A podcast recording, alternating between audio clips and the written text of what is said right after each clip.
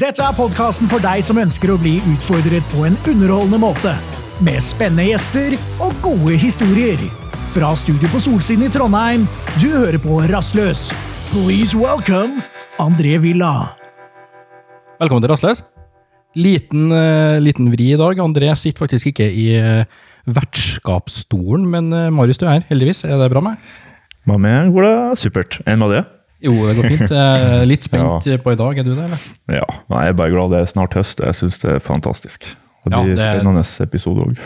Ja, det tror jeg. Det begynner å bli høst, og i dag har vi, mm. dag har vi gjort en liten vri. Eh, En vi kjenner ganske godt sitter i stolen. Eh, Jeg er ikke så sikker på om han kommer helskinna ut av det her. Eh, Har du, har du lagt noen Nei. tanke på det?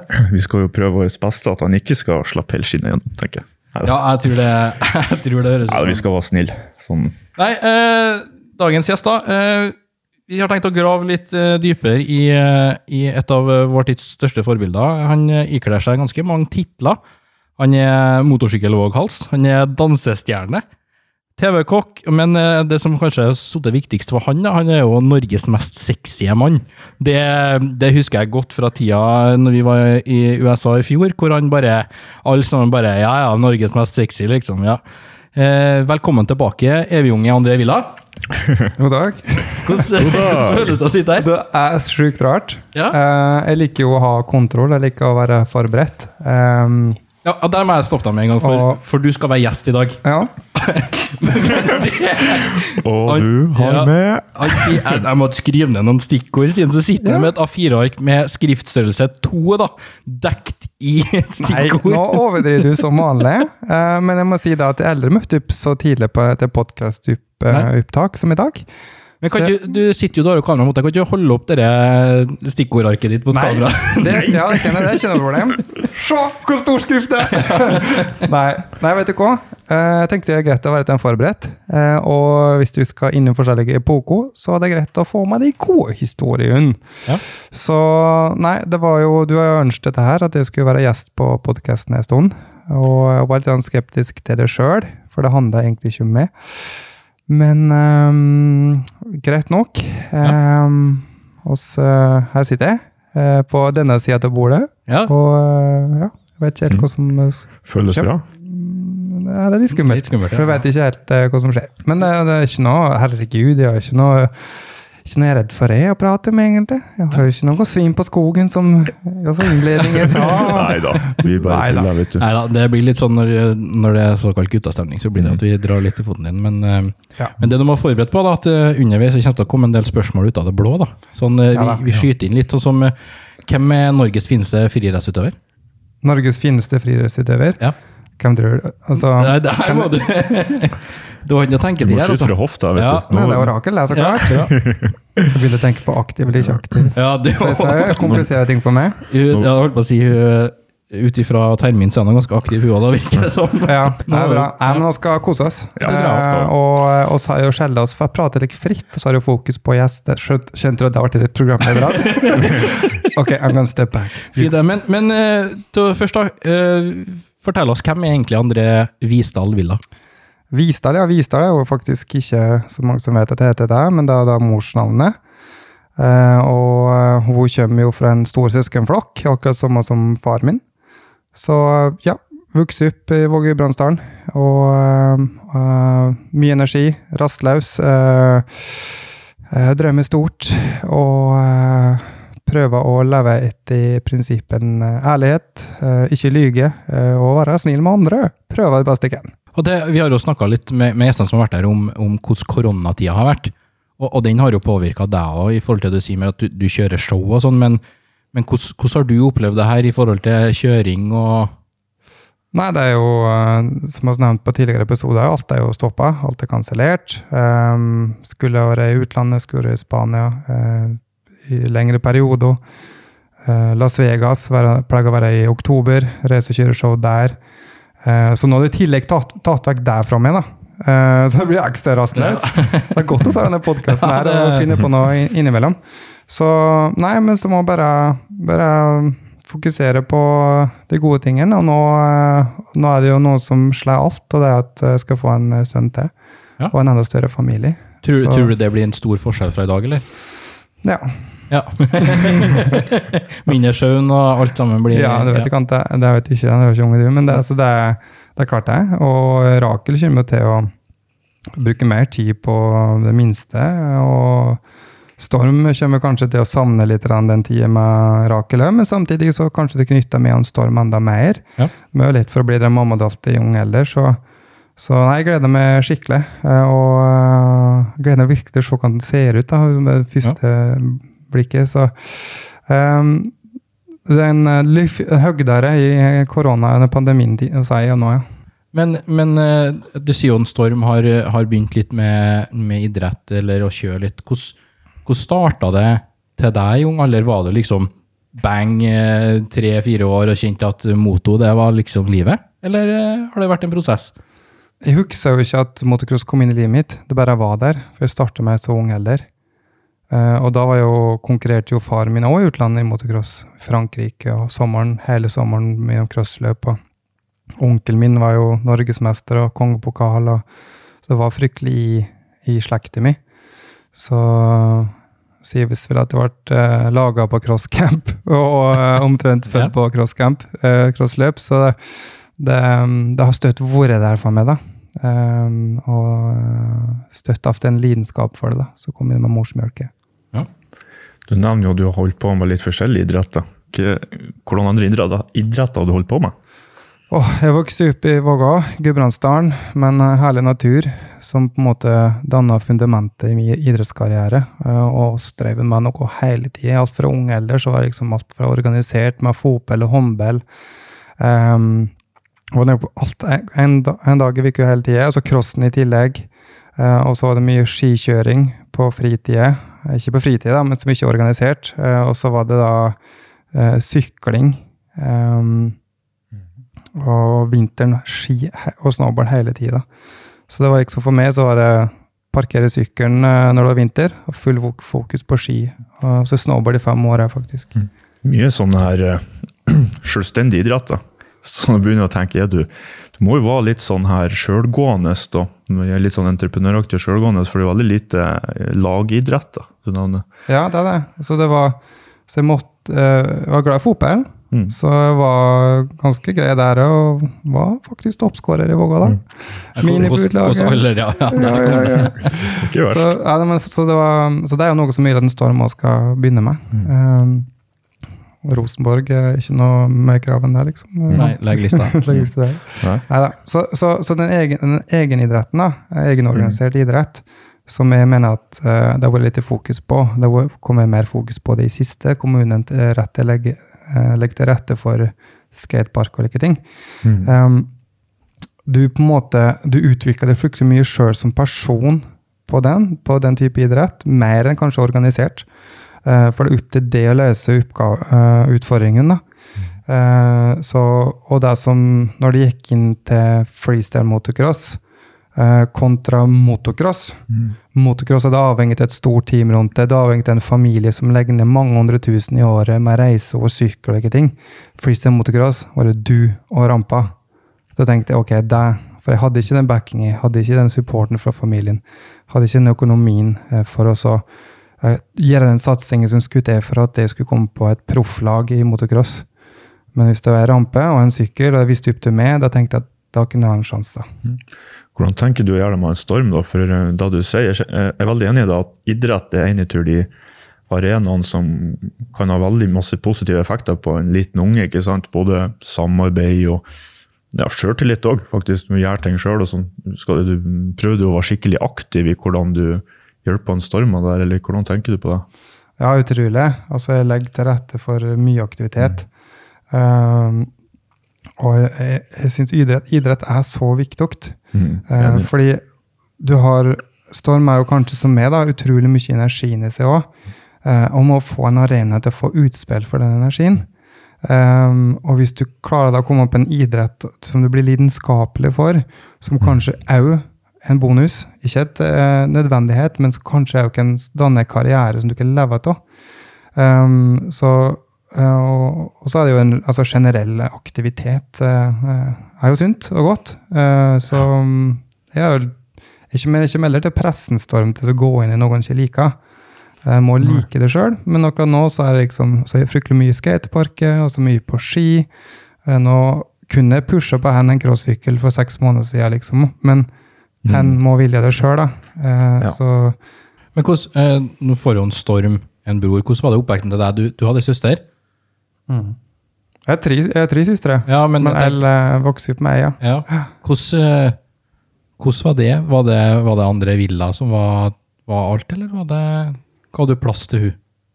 Jeg flytter jo Søster mi er jo en eh, ja, Hva skal en tippe, da? Fem-seks år Klipp, klipp, klipp. Så, nei da. Um, så hun um, Jeg var jo en del eldre når jeg reiste til utlandet. Men uh, ja, jeg kan jo tenke meg at hun kanskje har følt det litt i skyggen av. Um, um, det tror jeg. Um, så det Hva skal en si? Det er kanskje litt unngåelig òg, da. Jeg tror nok ikke at mor eller far min er forskjellbehandla så mye. Nei. For jeg reiste jo ganske tidlig eldre sjøl eh, ut. Eh, og som også det barn der som eventuelt eh, satser i en sport, eh, um, og kanskje gjør det bra, så er det jo støtte der, eh, om det har vært med eller hun, da. Um, men nå har jo hun funnet lidenskapet sin i en senere alder, som er utrolig godt å se. Åpning til en eh, restaurant som heter Andre etasje i Vågå, som er gått utrolig bra. da. Så, um, men ja, det kan godt hende du har følt litt anlegg. Ja. Hvordan tror du, Marius, det var å ha André Villa som bror? Det er et litt morsomt spørsmål. Jeg, jeg tror egentlig mm, Ja, han har jo bare hatt søstre, da. Men eh, som bror, jeg tror hvis at han har hatt en annen eh, lillebror eller storebror, så hørte jeg mye slåssing og herjing og mye artig. Og, men sikkert, nei, jeg tror han alt i alt sikkert eh, er en grei bror. Han er jo ikke den verste, verste personen, vi vet om. Men Jeg faren min sant, møtte jo en ny dame og, kjørte på 2T. Så de, jo, de to yngste søstrene mine er jo mye yngre enn meg. Ja. Og den tida de vokste opp, så var jeg jo i, i Spania og utlandet. Så jeg, jeg var jo i, i Norge um, hver jul og annenhver påske. Kanskje en tur om sommeren. I mange, mange år. Så jeg var jo ikke i Norge i det hele tatt. Så, så, men også har fått bedre kontakt nå i senere tid. Eh, men det kunne jo ønske at det hadde vært en at jeg har vært mer til stede som bror for dem òg. Og, og samtidig eh, så blir du jævlig opphengt i det du driver med da, som idrettsutøver, og, og har mye fokus på det sjøl. Men uh, håper at vi kan ta den tida nå, litt mer voksenalder. da. Men, men hvordan er det når du da har dratt ut så tidlig, og du har søsken og du har familie? Har du, har du følt deg alene, eller? Ja, det var en, du vet, når jeg Altså, når jeg reiste altså, På en tid så var jeg jo sponsa både på ski og, og, og motocross. Jeg måtte ta litt valg i karriere der. Eh, og så hadde jeg en vinter i St. Anton Østerrike på ski, som skiboms. Og så en vinter i, eh, i Whistler, Canada. Og de reiste jo med to kompiser fra Vågå. Eh, Torgrim Våle og Jørgen Velle. da. Um, og bodde jo i bil i to måneder. Uh, og så jobba jeg hele sommeren da, for å ha råd til å reise. Og da også, også, ok, her, er- ok, en liten story her da. Og så kom mot Vistra, hadde egentlig ikke booka noe særlig overnatting. hadde ikke noe overnatting. Det var sånn backpackers som krasja der litt. Og så tenkte jeg at dette skulle ordne seg der, vet du. Vagværet naive som reiste til Vistra, Canada. Var ikke noe overnatting å oppdrive. Og så på begrensa budsjett. Og, men så sto og spilte biljard, da. Ja. Så plutselig så vi oss eh, like, annonser på veggen der. Det var en bil som var til salgs. da. Så Torgrim sa bare 'fy faen, den var feit'. og så ringte oss nummeret, da. Eh, og så kom noen damer da med den bilen. Og det liksom var like der gammel eh, eh, Dodge van. Eh, eneste som var til en treseter sofa bak. Og så var det en liten TV oppe i toppen der, og så et lite kjøleskap. da. Prøvekjørte denne bilen da, og kjøpte den. Ja. Um, for det, det kostet en gang. Men det var jo ikke bare bare å sove i den bilen der. Jeg visste det kan, det er kaldt som fader, vet du. så så uh, fikk de omsider sagt oss inn på en campingplass der, da, men det trekte så jævlig for døra inn, en gammel bil, vet du. Uh, så, så måtte jeg, som, når vi skulle legge oss til å sove, da, Torgen var så liten at han lå bak i treseteren baki, og så måtte og Jørgen legge på liggemadrasset. Ja. Nå skulle du stable alle bagene langs døra. Så det ikke er trekt? Ja. Men det er klart, da, hvis det går ikke an å pisse etter de bagene, så ble det flaske. og ja, sånn typisk... eh, Tre gutter på tur, det hørtes Ja. deilig ut, det der, da. Men eh, poenget mitt det var da at uh, året etterpå så reiste jeg til Spania uh, for å prøve freestyle. Um, og nå mista jeg helt Nå tok jeg veien. Hva er spørsmålet ditt? Om du følte deg alene? Følte meg alene, ja. Ja. Ja, og da reiste jeg til Spania uh, for å se om jeg kunne bli noe til freestylen. Og etter to måneder med trening der, så møtte jeg en spanjol eh, som så talentet mitt. Og han inviterte meg tilbake til Spania i mai. Eh, og da fikk jeg plutselig betalt for å kjøre freestyle motocross. Og da var det lange perioder eh, med denne her spanske familien. Eh, de prater ikke engelsk, eh, og jeg prater ikke noe spansk. Eh, og i starten så fikk jeg ikke lov til å bo i huset deres. Da måtte jeg bo i garasjen, som var på andre sida av veien. Eh, og. Hørtes bra ut. Ja, det var, det var, det var i mai måned. Like Oljebrekktak, sola skein gjennom. Utrolig varmt. i Sofaen jeg hadde fått, var en like 15-20 år gammel sofa som var nedsitt. Jeg kjente hvor jeg st- streng, liksom. da. Um, men det, det var eneste plassen jeg, jeg kunne være for å te- leve til, å kjøre motorsykkel på det tidspunktet. Og jeg husker jeg vakna en dag. uh, for at jeg skulle på do, da, så måtte jeg liksom gå ut av garasjen og så måtte jeg over veien så banka på døra. Liksom, kan jeg få lov til å låne doen? Ja. Men en natt våkner jeg og den var skikkelig gal. altså, hva gjør du da? Til mitt selvforsvar, da, så det raskeste, det eneste som var i nærheten, var faktisk da en potetgullpose. Sorry, folkens, den er ganske drøy. Ja. Men slik var det faktisk. da. Eh, Det var slike bovilkår som jeg hadde, eh, og ingen å kommunisere med. Og da var det fryktelig ensomt. Da, da savna jeg folk og venner, og like ting, men jeg sa faen her, nå er nå, nå kan jeg kjøre sykkel og trene, så jeg fokuserte på å trene hver, hver dag. Og så gradvis utvikla jeg meg. da. Eh, og så plutselig kom jeg inn, eh, fikk en um, invite til å kjøre VM. Eh, før det så hadde jeg jo lært eh, backflip mm. på motorsykkel, som heter det første i Europa. Og plutselig så kunne du tjene liksom en 60 000 kroner kvelden på, på å gjøre det trikset. da. Ja. Og så plutselig kunne jeg leve til det. Så det er mange spennende spørsmål jeg har lyst til å spørre i forhold til det. Så, så episoden heter jo 'Fra drøm til virkelighet'. Og et fellestrekk som du har gjort, og som veldig mange andre har gjort, det er jo altså ekstrem selvstendighet, og så ta store risikoer. og så Det er jo massevis å henge seg opp i her som er veldig eh, spennende å snakke om. Men har du noen eh, har du en følelse til at dette kan være et fellestrekk da, for alle som har lyst til å følge drømmen sin? og bare, For ting er jo helt kaotisk. På en måte, det er jo ingenting som er planlagt. Man må bare, man må bare peise på og ta det for det det er. Søv på sofaen i Spania og tisse i potetgullposer. Er det her realiteten egentlig overalt? Hva du tror Jeg tror det. Altså, det er alle som har Det er ingen som har fått noe gratis som har kommet til toppen. De har vært motbakke. altså Mesteparten av karrieren min er motbakke. Ja. Det, det har vært skuffelser og skuffelser skuffelser gang på gang på gang. Det har vært steintøft, og det er det nok for de fleste. Så du må være villig til å stå til det. Og for deg så må du definere for deg sjøl hvor mye betyr det for deg. Ja. Uh, og Derfor er det jo viktig at, at du har en god porsjon lidenskap med det, det du driver med. Så for jo mer du lidenskapelig du er, jo mer liker du det du driver med, det mer arbeids- og treningsmengde kan du ta. da. Uh, så det Ja. Og så terskel, da. ikke sant? Da du sier du må ha en veldig klar lidenskap. Jeg ser jo for meg at hvis lidenskapen din er kjempe, kjempehøy, så har du jo mye høyere terskel. Hvis du syns det er litt artig, da har sikkert du fulgt hjem når du så hvor du skulle sove. ikke sant? Så det er jo òg et uh, kjempebra tips til de andre, at man må på en måte eh, krystallisere lidenskapen så mye at du tåler eh, motbøret, for det, for det blir jo for alle bare litt annen type eh, scenarioer. Ja, det er det. Og det, jeg tror det er med liksom ehm, Nå kommer jeg fra Vågå, eh, og hy- altså som 14-åring så hadde jo da 14-15-åring hadde ansvaret for 15-16 crossykler, vedlikeholdet til det. Jeg var guide på aktivitet. Ja, ansvar. Aktivit.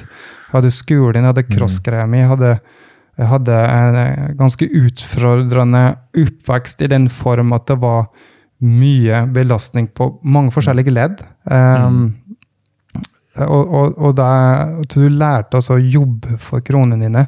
Du Ja. lærte at, å stå til det. da.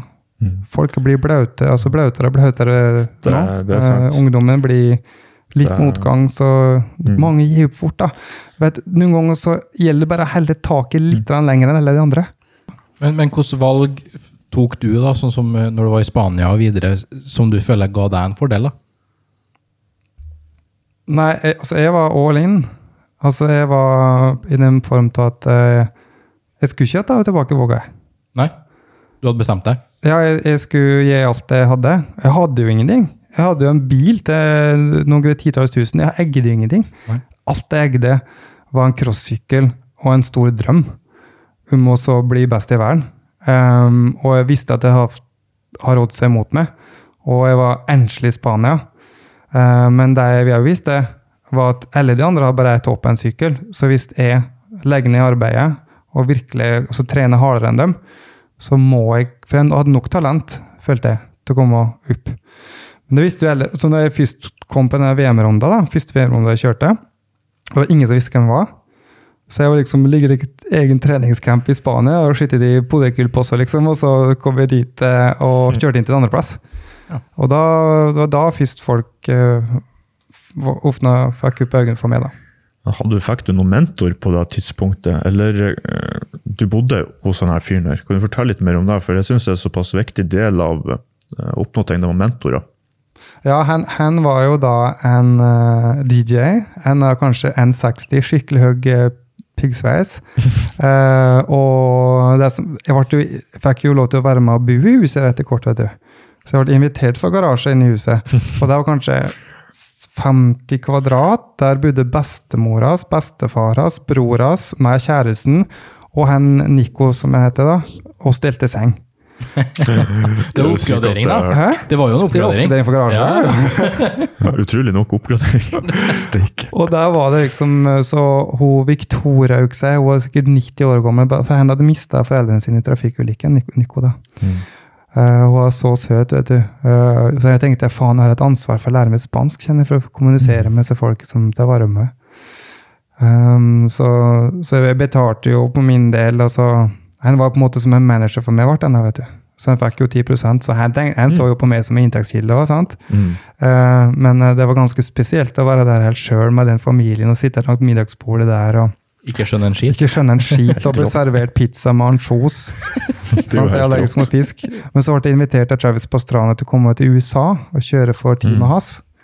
Uh, for jeg skal inn på dette her med mentorer, som du spurte om, med Marius. Um, så jeg kjørte på Travis Pastrana sitt team uh, for Suzuki. Um, kjørte konkurranse, men der fikk jeg min første store skade, som var korsbånd.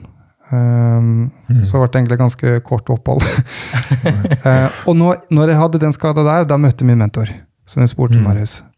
Han heter Errol Francis. Ok. Han er 60 år nå. Han er uh, originalt fra Jamaica. Uh, bodde i London. Sønn av en mafiaboss i London. Du. Bodyguard for Steven Spielberg i ti år. Ok. Altså, han er eh, liksom eh, Han er vel egentlig verdensmester i kickboksing? Jo, verdensmester i kickboksing. Altså, jeg skriver i boken min. Han er helt Ja. drøy fyr. Okay. Uh, Som uh, His body is his temple. Han er liksom kosthold og, og, og okay. trening i den rima. da. Han er 60 år, han ser ut som han er 35 og fit som søren. da. Mm. Og han uh, snudde mentaliteten min. Helt. Han, eh, han har jo jobba med store folk, Keanu Reeves og ja, så han vet du han skal tåle dem, da. Men altså, fortell litt om egentlig hvordan han påvirka det for å, få det bedre. og sånn, For det er så utrolig spennende det med mentorer. Alle som har fått til veldig store ting, alle har hatt mentorer. har lagt merke til. Det er en av de fellestrekkene som kanskje ikke alle vet. Uansett hvem det er, de har hatt en mentor. Fortell litt til, til lytterne liksom, hvordan det har skjedd, og hva han spesifikt gjorde med det. Det er litt spennende å høre. Ja, Han hadde da på tidspunktet det største treningssenteret i Spania. og Jeg hadde, jeg hadde tatt korsbåndet mitt, og hver dag gikk jeg på krykke på treningssenteret og trena, trena, trena. Og han så på meg som liksom, langhåra fyren her liksom på krykker som kanskje trener feil. liksom, du, I gotta help this guy. You know? Mm, ja, ja. Så, så han kom også med og begynte å prate med meg. da. uh, og så gikk det fra der da, til liksom å gjøre et comeback etter den skada. Eh, og i den opptreningen med han, eh, så var det her den daglige peptalken inni i øret liksom, med trening, at vi blir sterkere. At altså, aldri se noen begrensninger for deg sjøl. Du er din egen begrensning, og det er så gjentakende i folk. at jeg jo nå i ettertid Jeg har begrensa meg sjøl hele veien, sjøl om jeg har kanskje vært på den eh, positive sida til å, å ha tro på seg. Så det handler om liksom ikke hvorfor skal ikke du klarer det når de klarer det? For ofte så får jeg seg helte, sant? Ja. Um, eh, jeg liksom sitter på Travis Pastrana, Nate Adams, alle disse her liksom alle år, har hatt liksom plakater på veggen til dem, og, og så plutselig skal begynne å konkurrere med dem.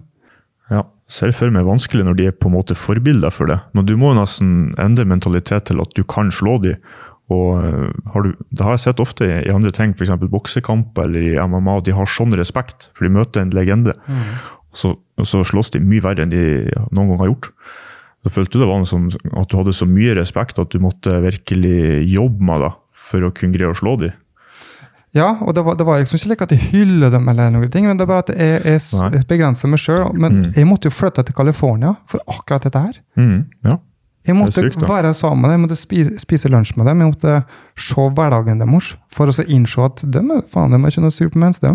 De er jo vanlige folk, de. Selv om det er verdens sånn, legender og begynner alt som er, så Mm. begynner du å trene med dem, sant? og så begynner du å plukke opp triks. Det er jo folk fortsatt. Er det er det? Uh, og så begynner jeg, ser du på trening, faen, jeg har jo liksom omtrent samme triks som hen. Mm. Uh, det er jo ikke noen grunn til at de ikke skal klare å nå, nå til topp. Så, da, så for å løse det, så kjøpte jeg det huset i California, flyttet dit, bodde der på Mm.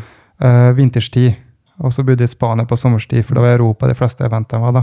Men, men du nevnte eh, at, du- at du bestemte deg for å flytte til, California. Hvordan, eh, hvordan ble du tatt imot? Altså Første turen til USA var jo når jeg ble, kom på teamet til Travis Pastrana eh, og fikk da nye kontakter der. eh, og var i Nevada, eh, faktisk, med en gjeng eh, året Mm. etterpå. Og så reiste til California neste år. Eh, og da var det egentlig Jeremy Steinberg, Twitch, eh, som tok meg inn. Um, jeg bodde så hen jeg faen meg tre uker eller et eller annet. Jeg er da gammel dame. Og um, Jeremy Steinberg er da et stort ikon i motorsport. Han er vel kanskje, han var i hvert fall på tida den som har størst følge på sosiale medier, eller som drev med to hjul.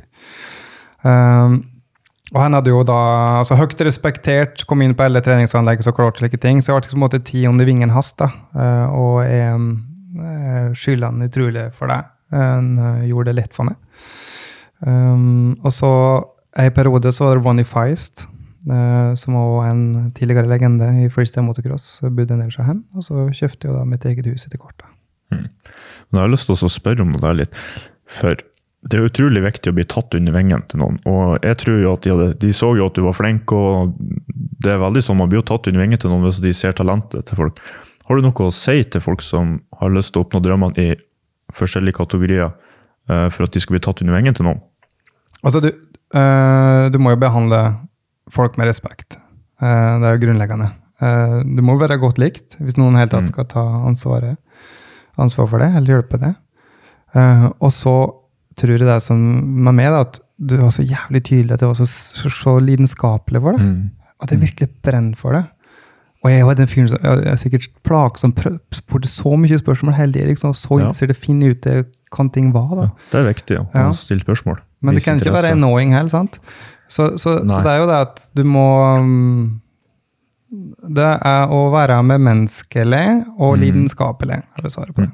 Det er jo egentlig mm, Det her er ikke 100% normal informasjon. Altså, det er ikke så mange som vet at mentor er kjempeviktig. Og eh, sånn som i hvert fall nå i 2020, det er så mange personligheter som ikke er ydmyke. De er omvendt av det. Så det er faktisk viktig når vi snakker om det. Og eh, hvis, er, hvis man er skikkelig narsissistisk og bare tenker på seg sjøl, så er det ikke så veldig enkelt å få hjelp. Og så å være ydmyk, det er viktig. Ja, så er det nesten blitt litt den der eh, Spesielt i USA, da, så er det mm. der svakhet til å være ydmyk og snill. Ja. Men det er jo jævlig enkelt å være være en Donald- drittsekk. Donald Trump er jo uh, tydelig en narsissist. Det Ja. trenger ikke å være psykolog for å se Nei. sånne narsissistiske trekk. Men, men du, du snakker jo om, om den tida eh, når du begynte å bli stor i, i freestyle. Og for oss som har fulgt med litt mer eh, enn bare nå i ettertid, så husker man jo tida X-Fighters og, og den gangen freestyle virkelig var stort. Eh, I dag er jo ikke det helt der. Syns ikke jeg, i hvert fall. Jeg, jeg vet ikke, Hva føler du at, at freestyle på en måte har mista statusen sin? Jeg tror nok at det var den beste epoka til freestyle motocross. Um, fy fader, husker hva det var. Så kjørte, altså, når Red Bull X-Fighter-serien var, så kjørte oss jo framfor pyramiden i Egypt på røde pla ja, Røde plass i Moskva. eh, Den olympiske stadion i Roma. Um, og jeg husker jeg eh, Fort Worth i Texas. Um, Sinnssykt stor bane. Og du eller følte meg som en gladiator på den måten. da. Det var så sjukt, den banen. Og du skulle, hvis du går inn i pitten, da, der alle kjørerne satt, så satt nesten alle med en ispose eller et, et eller annet plaga deg, for det var så store hopp. da. Um, og da var det, det var som så egentlig redselen i øynene til folk før de skulle ut på rønnet sitt. Så det var liksom, De gikk bare og venta på tur. da, så det liksom, Kan sammenlignes med den gladiatorfølelsen du skal gå inn i uh, bli sluppet ut av buret. da. Um, og slike baner er det jo ikke lenger. Men så ble Red Bull X-Fighters uh, kutta ned til kun én stopp i året, og der skjedde noe med sporten. Og så kom Nitro Circus, som var mer underholdning, mer sånn showformat. Um, og i 2013-2014 så begynte jo EA mer med det i Norge. Begynte å bygge opp en egen virksomhet i, i Norge. Så det har nok, jeg tror nok freestyle motocross har sett uh, sin beste tid. Uh, jeg tror jeg kanskje ekstremsport generelt. Uh, I hvert fall i form av live uh, oppmøte. Folk vil heller se det på TV, uh, og det er jo så tilgjengelig hele tida. Så, um, men det er jo fortsatt uh, utrolig Jeg har et stort følge på TV. da, og Ser på E ISBN og seertallet der. og Men- Det er jo Disney som eier X Games, Ja. uh, så de satser stort på det. Hvordan egenskaper tror du er viktigst når du har skade? Det blir nesten sånn Det er jo universalt, selv om det er veldig spesifikt å knekke lårhalsen eller også komme tilbake i motocross. Men har du noen prinsipp som kan hjelpe andre som har eh, setbacks? da? Det viktigste, hvis jeg skal koke ned til én ting, er bare å ha trua på seg sjøl. Mm. Det er der folk stopper å sant? Du stopper å ha trua på seg sjøl. Nei, du begynner å um, miste sjøltilliten. da. Hvordan skal man greie da, da? Hvis vi har Finn at den er der du var før, når du var underdog. Hva, Mm. hva var det som gjorde at det fikk dette her? Du må finne, du må finne det sjøl på nytt. da. Men, men får du til det alene, eller, eller trenger, du, trenger du folk rundt deg til å hjelpe deg? Nei, men det, det er ofte altså, Når du kommer på et nivå, da, så, så, så Sportslig så har du jo folk rundt deg med mentorer, trenere og like ting. Uh, men utenfor sporten så er det jo prate med folk. Det kan være familie, venner, spesialister. Og, og finne ut hvilken vei du skal gå framover. Så for min del så var det jo ofte noen er flere som trodde på det, men mange ganger var det ingen som trodde på meg. Jeg husker tre, meg treneren eh, avskrev meg etter siste skada. mm. Men det var fordi en sa at jeg ikke skulle kjøre, da.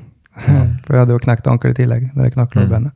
Det var kanskje ikke livs beste avgjørelse du tok der, da? I ettertid så angrer jeg så klart. Eh, Men det er på samme måte så det er den, de karakterene som har gjort til at jeg kom dit jeg kom. Så Ja, det er vanskelig å angre, ja. Når du, du måtte antageligvis ha hatt de egenskapene for å få det resultatet. Og, så man kan liksom ikke angre på det du gjorde, for da hadde du vært helt annerledes. ikke sant? Hele, hvis du skjønner hva Ja. jeg mener. Og, og jeg tror ikke på det også å angre på ting. Jeg må, jeg må liksom ta med, ta med seg bagasje og analysere og tenke at ok, jeg skal ikke gjøre den feilen på nytt. da. Lære, lære til å sine feil.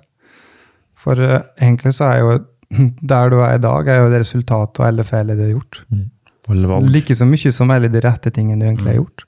Mm. Men, men, sitter jeg nå og, og tenker tilbake på karrieren din og sitter med noe du skulle ønska du hadde vunnet? Eller ønska du hadde klart? Ja, det er det. Jeg føler liksom at jeg kom utrolig langt fra der jeg starta og, og har bra resultat. Eh, men jeg føler ikke at jeg var one of the greatest of all time. Det gjør jeg ikke. Eh, jeg føler ikke at Jeg føler liksom Travis Pastrana, Tom Parchez... um, og Nate Adams. Det er liksom de tre. Så, men, men, men det er greit. Uh, jeg var ikke det. Uh, men eh, jeg er heller ikke Ego Sato som har gått bort. Altså Det kunne gått så mye verre. Så jeg tenker Mm. at så mye ganger som man ikke være for grådig heller. Jeg tenker at ja, det gikk som det gikk. Det gikk, det gikk det ble bra nok. Det ble mm. bra nok, og så klart kunne jeg tenkt meg flere X Games-medaljer. men eh, Og der kunne jeg hatt det, hvis jeg fortsatte å pushe. Uh, men da samtidig så kunne jeg kanskje hatt mye mer skader òg, så Mhm. et par til medaljer i skuffen, uh, det hadde ikke betydd noen ting akkurat nå. For vi som kjenner deg, vi, du er en fryktelig gavmild type på, på alle måter. skal du si Både eh, kjærlighetsmessig, men også det å gi tilbake. eh, er det jo du, du er ikke redd for å liksom være fremme på gi tilbake når du har show. Så for dem som ikke vet det, så eh, andre villashow, så er det, det er en del gratisbilletter som går bort til dem som trenger det og, og har behov. Og det, det finnes noen sykkelparker og, og sånn rundt omkring som, eh, som du har bidratt til her. Ja, jeg har, eh, jeg har hatt mye kreft i familien. Um, så mye like, organisasjoner for barn med kreft og vanskeligstilt ungdom og folk som kanskje kunne tenkt seg litt lyft, eller hadde kanskje følt på at det hadde vært godt å bli pratet til fra meg, da, for at de ser opp på meg. Der føler jeg at det er et ansvar. Uh, så det, um, det føles jo godt òg, i en uh, sånn verden som vi lever i i dag. Og det er noe jeg har gått gjøre mer av. Og ja, åpne en BMX-park og skatepark i Vågå for barn. Og ja, så det, det er egentlig det eneste jeg har lyst til å gjøre, men det er ikke så lett å gjøre det. Men det er så lett å glemme at uh, du kan gjøre litt for at noen skal få det ganske mye bedre. Jo, jo, men det er jo, det er jo, ikke, et, eh, det er jo ikke et ansvar du egentlig har. Det, det ingen, du har på ingen måte det ansvaret om å bre rundt deg. Det, det, bare for å ha det på det klare, du har ikke Hele verden har ikke hjulpet deg sånn, men det at du gjør det, det forteller jo ganske mye om deg.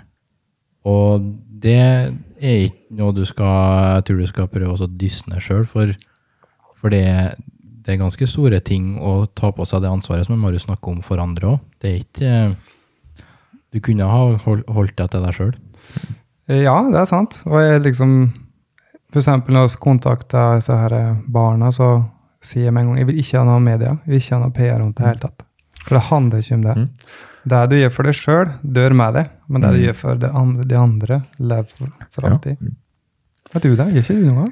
Er det? Noe seriøst også, jeg Er jeg seriøs nå? Ja, skal ikke liksom eh, du- Nei, nei nytt, uh, nytt spørsmål av blå, da. Ja, da kjører vi på fineste monsterbabe, da.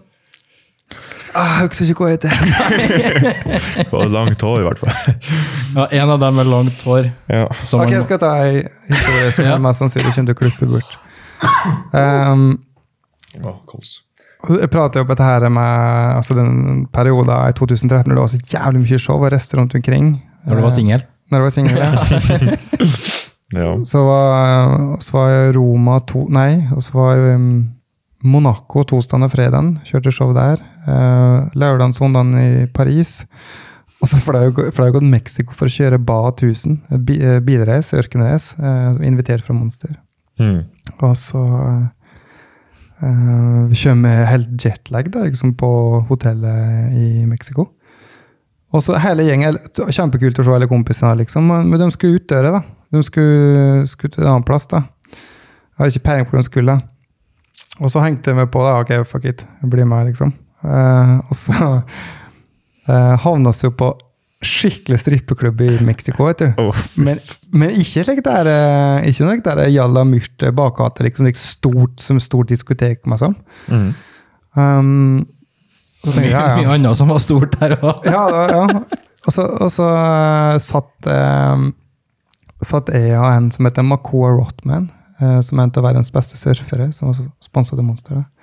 Satt uh, framme ved scenen, tok bare tok og pilt, tok det helt rolig, liksom. Ikke noe fest. Um, så begynte jo dette her liveshowet.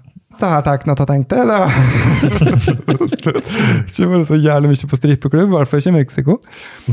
Og så um, begynner damene å selge på strippeklubb, sant? så vet ikke hva det er. Når damene blir liksom uh, kavlenarkige, og så går hun dama mot meg og Makoa, som Oi. sitter liksom frampå på scenen. Mm. Gifta?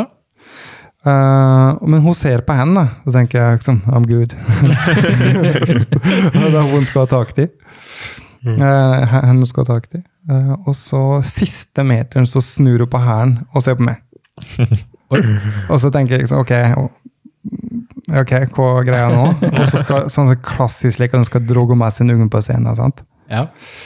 Um, men i stedet for at det skal være like, Nei, jeg vil ikke. Å, tør ikke. Så fuck it, det blir med oppå, liksom. Vi gikk oppå. Uh, og så begynner hun å danse, da. Uh, det er nå greit. Uh, og så um, På en eller annen måte så tar hun vekk stolen under meg. Mm. Og så, ta, begyn- ta, og så river hun av jeanset og trusa. Hørtes ut som det Og dette er en gigantisk strippeklubb, Det er sikkert 200 personer inni der. Og så står jeg bare på scenen der i T-skjorte og ingenting. ingenting. Ja. Og så tenker jeg, og så tenker jeg gidder ikke være det er ikke det. Og så går jeg på kanten på scenen, og så bare tar jeg helikopteren framfor deg. Eller så på som er strippeklubben der. Um, Hvordan gjorde du det i konkurransen etterpå? jeg kjørte jævlig bra, da. Og det er en suksessfaktor i karrieren din. Nei. Nei, men uh, det var, det var, det var, det var slike opplevelser da, som, uh, satt seg litt, ja. som, uh, som, som skjer innimellom. Ja. Det er noe, men han, han snakker om å gi tilbake her, så kanskje en, en sånn På Samfunnshuset i Vågå sette opp en sånn Magic Mike-forestilling med Nei, nei, nei. nei, nei. Det må jo være innafor, tenker jeg. Men, men Det eh, er Tobarnsfar nå, så må bli blir det brems, ja. Du, du, I fjor så Du har jo hatt andre villashow, og du hadde Ullevål Ekstrem og sånn, men, men i fjor så tok du jo et lite skritt opp, egentlig, med, med X Games. Hvordan, eh, hvordan var den rollen tøff å ta på seg og stå på sidelinja når det ikke er bare et show, men det, det er en X Games-konkurranse, å stå der og, og kribla det godt da, eller? Um, ikke på, ikke på um, quarterpipe. Nei, sant? Da kribler det ikke. Men best VIP og like ting. Ikke best trick heller. Men egentlig så er så, så den rollen som jeg har der, sykt krevende, da. Uh, så det tar jeg utrolig mye av meg. Uh, og det er på en måte det motiverende, det inspirerende, det er nytt. sant? Dere gjør en, går en god jobb, dere har lyst til å gjøre en perfekt jobb, bedre enn alle andre. Så du har det her fra idretten. da. Uh, så, så det var ikke noe savn i den form at dere har lyst til å være med og konkurrere. Um, det var det ikke. Nei. Men jeg følte jeg var en del av det likevel, på en måte. Det var rart. Det var liksom så mye var med. Ja, og, og det så man jo. Du kjenner jo ganske mange av guttene, og du, du er jo, fremstår jo som en av gjengen. Eh, og den, den følelsen er jo sikkert god å ha den kameratskapen tilbake igjen her i Norge, skal du si, selv om, selv om du kanskje ikke har den i, i freestyle-biten nå, men da fikk du på en måte en liten kameratskap der igjen. Eh, klarer du å finne igjen det i Norge, eller blir det, føler du at du er litt vakuum for det? Det er jo, I utgangspunktet så er det jo deg og Ailo Gaup, og vi vet jo alle at du er bedre enn han. Eh, Nei, det er ikke, jo da, det står noe Se og Hør-innslag her fra Villa som nevner at den er bedre enn Ailo, så det kan vi Bullshit. finne. Nei, det Hæ? Sier Hør at det er bedre enn Har jeg sagt det sjøl? Yep. Hva det sier jeg? Hva, Ja, det, altså, Det hva har jeg jo sett det. Jeg har aldri sagt jeg scrolla litt når vi søkte research på det. at jeg har sagt det sjøl. Du var bedre enn Ailo, ja. For det var snakk om store stjerner. Det er nå bare en Ailo, liksom. Og så var du Jeg sikter mot uh, Ja, men ikke like spesifikt at det var bedre enn Du sa ikke Det var ikke sitat Ikke sant? Du Nei. satt mellom linjene, du. Nei, ja, du, det er nå bare en Ailo. Jeg sikter mot større stjerner. Og sa jeg det? Det var veldig Ja, men du vet, det, ja, men like, Ailo var dritgod. I epoke der så var han helt rå. Jeg så jo på den. Ailo. Han var, um, han var en um, Husker jeg første konkurransen jeg begynte å kjøre til. da, Han første som flippa langt, langt. da. Eh, så, men det er klart, det er jo ballen. Ja. Han er skikkelig god, altså, men ikke så god som meg. det brukte jo å si i Nordland. Ja, han, er han var en stor og sterk kar. Halvparten så sterk som meg. Nei, men også konkurrerte gans, litt forskjellig i Poco. Uh, Litt av slutten hans uh, krysser med starten min. Så jeg husker jeg ene comeback jeg hadde etter når vi pratet om korsbåndskade der, eh, Marius, og møtte mm. mentoren. Så begynte jeg å kjøre VM. Det første VM-runde jeg kjørte etter en korsbåndskade. Da hadde Nilo liksom ledet og vunnet hele året. Eh, og lørdagen der, da slo jeg Nilo, uh, og Nilo var to. Uh, men da hadde han en, en skade i fingeren òg. men det tror jeg ikke Nilo likte. For han kom att neste dag, på søndagen, med fyrverkeri. altså. Han skulle faen meg ha payback på, på meg, da. Så det var en liten lek, eh, mm, intern duell med med Jan Ailo. Eh, men jeg, jeg respekterer Ailo på alle måter, og han var en rå idrettsutøver. Eh, du du snakka litt om X Games og, og rollen din der. Eh, Framtida di, da? Jeg håper du på mer av det, eller? Ja, det, ja, det blir uh, flere prosjekt med X Games, så jobber jeg jo nå med å få til uh, historiens største X Games i form av antall disipliner i 2022. Uh, er ikke noe bestemt. Uh, trenger støtte, både fra staten og mye sponsorer. Eh, nå er det ikke jeg som sitter i førersetet på X Games. Eh, det er jo Henning Andersen sammen med sin eh, partner Hilde, som er utrolig dyktige. Så jeg blir jo legget inn som en konsulent der, da. Men samtidig så brenner jeg like hardt for det. Det er ekstremsport, og det er i Norge. Så det, det blir nok noen år fram med det, men det, det alene fyller jo ikke hele året. Så må jeg drive med andre ting. Det, det er helt ærlig, det som virkelig jeg syns er spennende, er eiendom. Og det her også være budrunde, tegne, uh, budsjettere, pusse opp. det syns jeg er jævlig spennende, og en av de få faktisk yrkene som jeg føler litt av samme spenninger som det jeg driver med. Um, så det blir nok mange forskjellige bein å stå på det året framover. Men er det en ting jeg virkelig har til å gjøre, som jeg ikke vet hva er nå Men hvis jeg kunne liksom leve helt ok, eh, en ok økonomi til å kunne gjøre aktiviteter med sønnen min og leve et greit liv, og så samtidig jobbe og brukt driven min og energien min på å hjelpe andre på en eller annen måte, det er ønsket mitt. Men jeg vet ikke hva det er for noe. Um, så det kan godt hende jeg gjør noe helt annet i framtida. Men, men, men, kunne du ha fått den av, av andre idretter? altså hvis det har kommet et tilbud i dag da, på en motorsport på fire hjul, eller noe ja. sånt, hadde, hadde, hadde, du da kunnet Hvor skal jeg signere? ja. ja, helt klart. Altså, Komme inn i en bil er jo drømmen vår. Uh, og det var jo prat om vi skulle kjøre EM i rallycross for noen år uh, tilbake. Vi testa jo en slik VRC-bil. VRC heter VRC? Nei, det er VRX. Du testa en supercross-bil, ja. ja. Mm. Veldig vilt. men det datt gjennom, da. Så um, da, da, hadde, da hadde jeg klart å leve i den der, ja. da. Men uh, jeg tror ikke at jeg kan få den driven inn til noe uh, kapitalistisk for meg sjøl. men hvis det finner noe jeg kan hjelpe andre med, så, så tror jeg jeg kan vekke opp at den der indre driven jeg hadde, som tok meg til dit jeg kom i sporten. men, men nå har vi jo prata en stund, og, og vi pleier å ha det André kaller redskapskassa. Mm. Eh, og der eh, skal vi ha litt, eh, litt i dag òg, for eh, vi tenkte å gi litt tips om det folk må gjøre, eller tips for å gjøre drømmen sin til virkelighet. Eller i hvert fall komme i gang med det. Og det kan vi snakke litt om nå.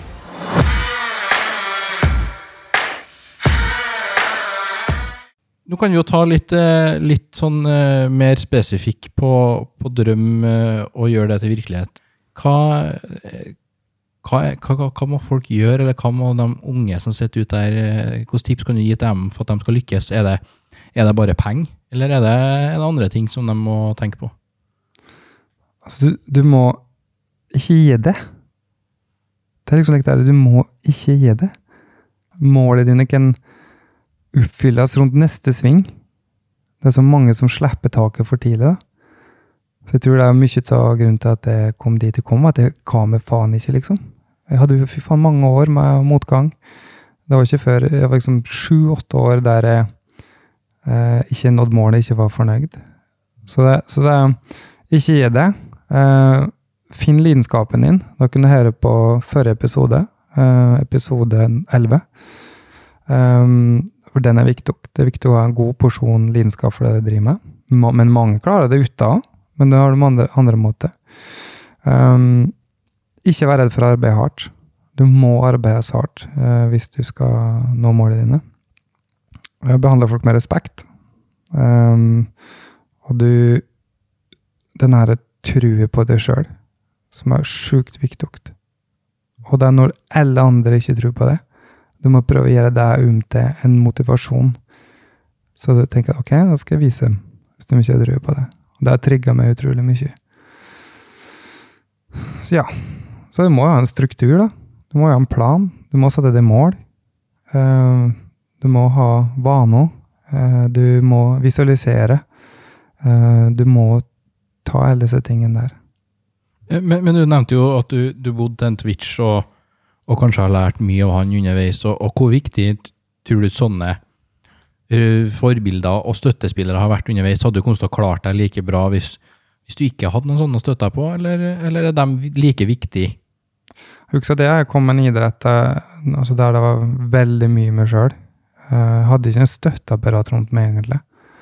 det var spesielt for altså, med, noe som, med fotball, andre ski, bla, bla, bla, så har du jo avhengig av foreldre og, som, og et støtteapparat etterpå, da.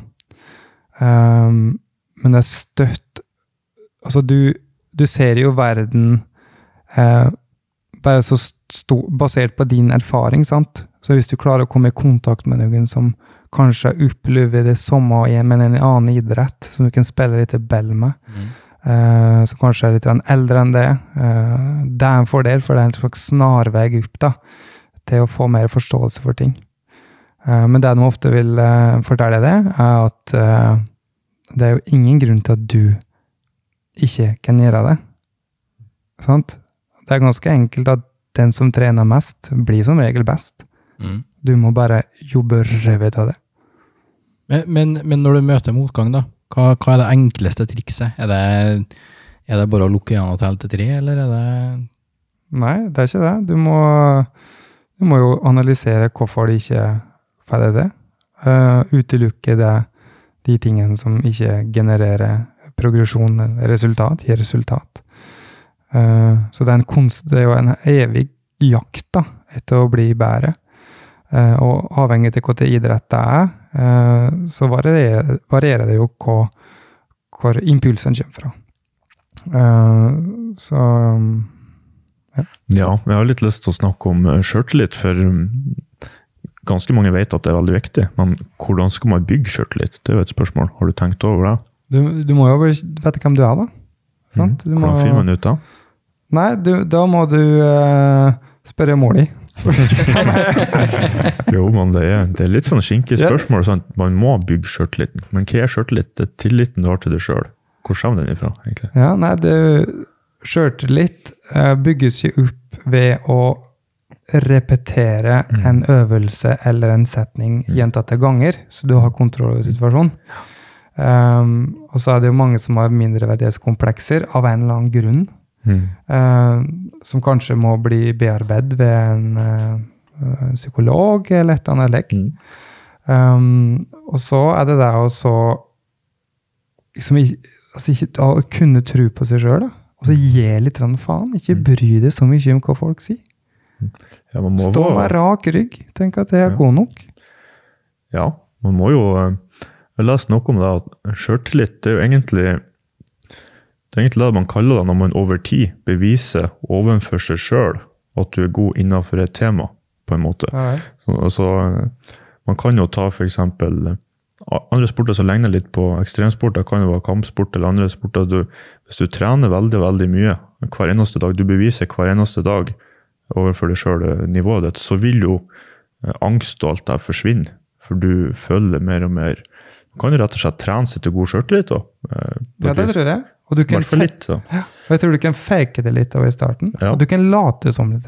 Late som har god Ok, nå skal jeg gå inn på restauranten her. Nå skal jeg ha høyere sjøltillit enn pleier å Ja. Litt ubehagelig inni meg, men så blir du kanskje vant til denne følelsen der.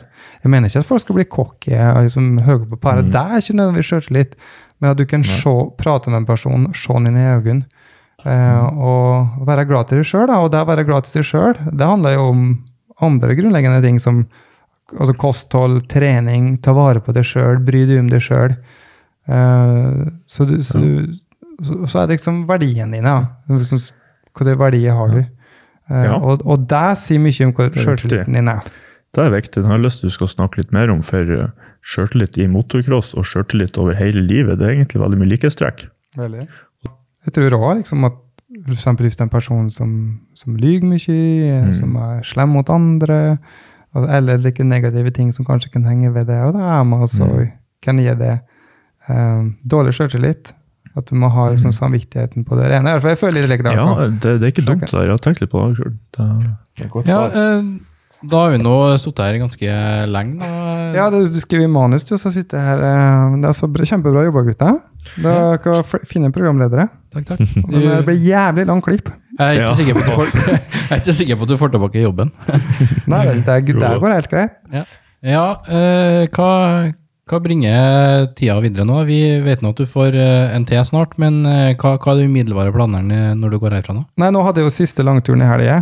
Eh, Da var jeg, jeg var i Vågå fra onsdag til søndag eh, og sykla Jeg var på Hafjell, sykla downhill. Eh, far min driver og bygger sykkelløp på Lemmersjøen. Mm. Så ikke noe flere slike turer. Nå blir det å være hjemme her i Trondheim, for da er det jo en, eh, ca. en måned til det skal klakkes. Ja. Eh, så nå er det bare selge på, skifte bleie òg. så jeg gleder meg stort. Det blir skikkelig bra. dette her. Vi gleder oss eh, på dine vegne òg. Så hører jeg det blir roligere helger på deg enn det har vært på Marius i helga. Så det er jo, det er jo kanskje bra. Ja, det hissig i helga. Nei da, jeg bruker å ha en rolig helg eh, ofte. Så. Og du har rolig helga ofte? ja? Hvordan gikk det i helga? Mm. Mm. Nei, det gikk fint i helga, ja. Mm. Ja, Da lar vi den ligge der, og så eh, hvis noen ser en Marius i taxikø på tur hjem, så er det bare å vinke. Jeg står ikke i kø, jeg, så nei, nei. Nei. Takk da, boys. Har du hett det? Ha det. Ha det. Jeg står ikke i kø.